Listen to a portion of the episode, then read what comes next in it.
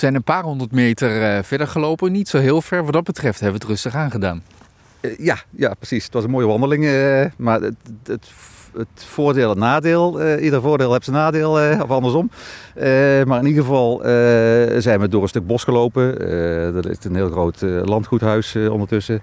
daar zijn we helemaal langs gekomen. Dus het hele tussenterrein tussen die twee akkers waar we naar zijn aan het kijken. Ja, dat is toch behoorlijk ongeschikt voor de vrattenbijter. Want die vrattenbijter heeft gewoon die akkers nodig. Die akkerranden, de warmte die in de omgeving van zo'n akker aanwezig is.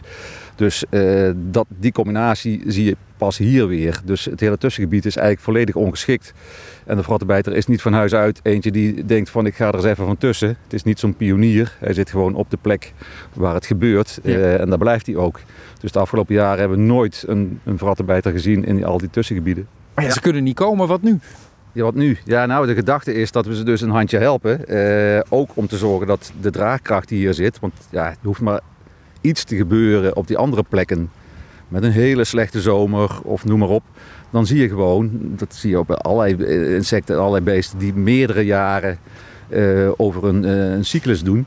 Want dat is in het geval van de vrattenbijter ja, ja, zo? Ja, ze zitten zeker met de eitjes uh, twee jaar in de grond.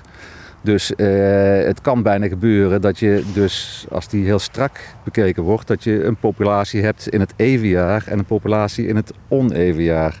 Dat is een heel aparte gedachte, maar het, het kan gebeuren. En meestal wordt er gedacht van ja oké, okay, dan springt er wel eens een keer eentje over van het ene jaar van oneven naar het evenjaar. Die komt eerder uit omdat hij heel warm in de grond heeft gezeten. Dat kan gebeuren.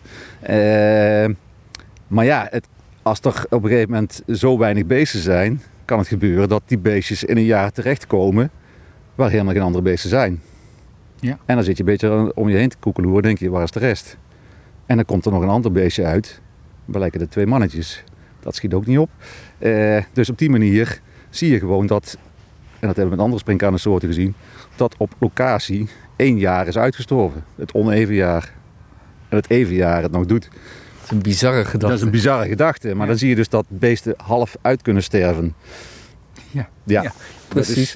Nou, dus, dan zeg ik vangen, zo gauw ze er weer, uh, weer echt zijn. Zo gauw ze zichtbaar zijn en hier uitzetten. Simpel toch? Ja, dat, is, uh, dat, dat, dat kan. Maar je hebt natuurlijk ook die locatie, die is ook kwetsbaar aan de andere kant. Dat is, het beheer is goed opgevoerd, uh, zodat daar meer dieren zitten. En we hebben gekeken naar die jonge beestjes die uitkomen. Dat zijn er bij insecten vaak veel. Ja. Hè, want er kunnen 150 eieren uit zo'n vrouwtje komen. Dus je kunt in het voorjaar behoorlijk wat nymfen, zoals dat heet bij springkanen, kun je aantreffen. En als je die dan verzamelt, daar, van een heel groot deel van die nymfen, voordat je bijbelse tafereelen krijgt, sterven die al uit voordat ze volwassen zijn. Die gaan al dood voordat ze volwassen zijn. Dus wat je doet is uh, in dat prille stadium beestjes meenemen en die opkweken. De kassen bij, bij Nijmegen, bij de Universiteit van Nijmegen. Ja. En op die manier krijg je dus dat je uh, volwassen dieren krijgt die wel inzetbaar zijn om hier in het terrein weer een plekje te geven. En op die manier dus uh, de populatie kunnen starten. Ja, dus ook hier zitten ze inmiddels weer, maar dank, dankzij ons mensen, of dankzij jullie mensen moet ik eigenlijk zeggen, want jullie hebben het gedaan. Ja, absoluut. Ja, ja, ja. Dus uh, ja, er zijn twee locaties waar dit uh, experimenteel is opgestart. En nu kijken we inderdaad of dat goed gaat lopen.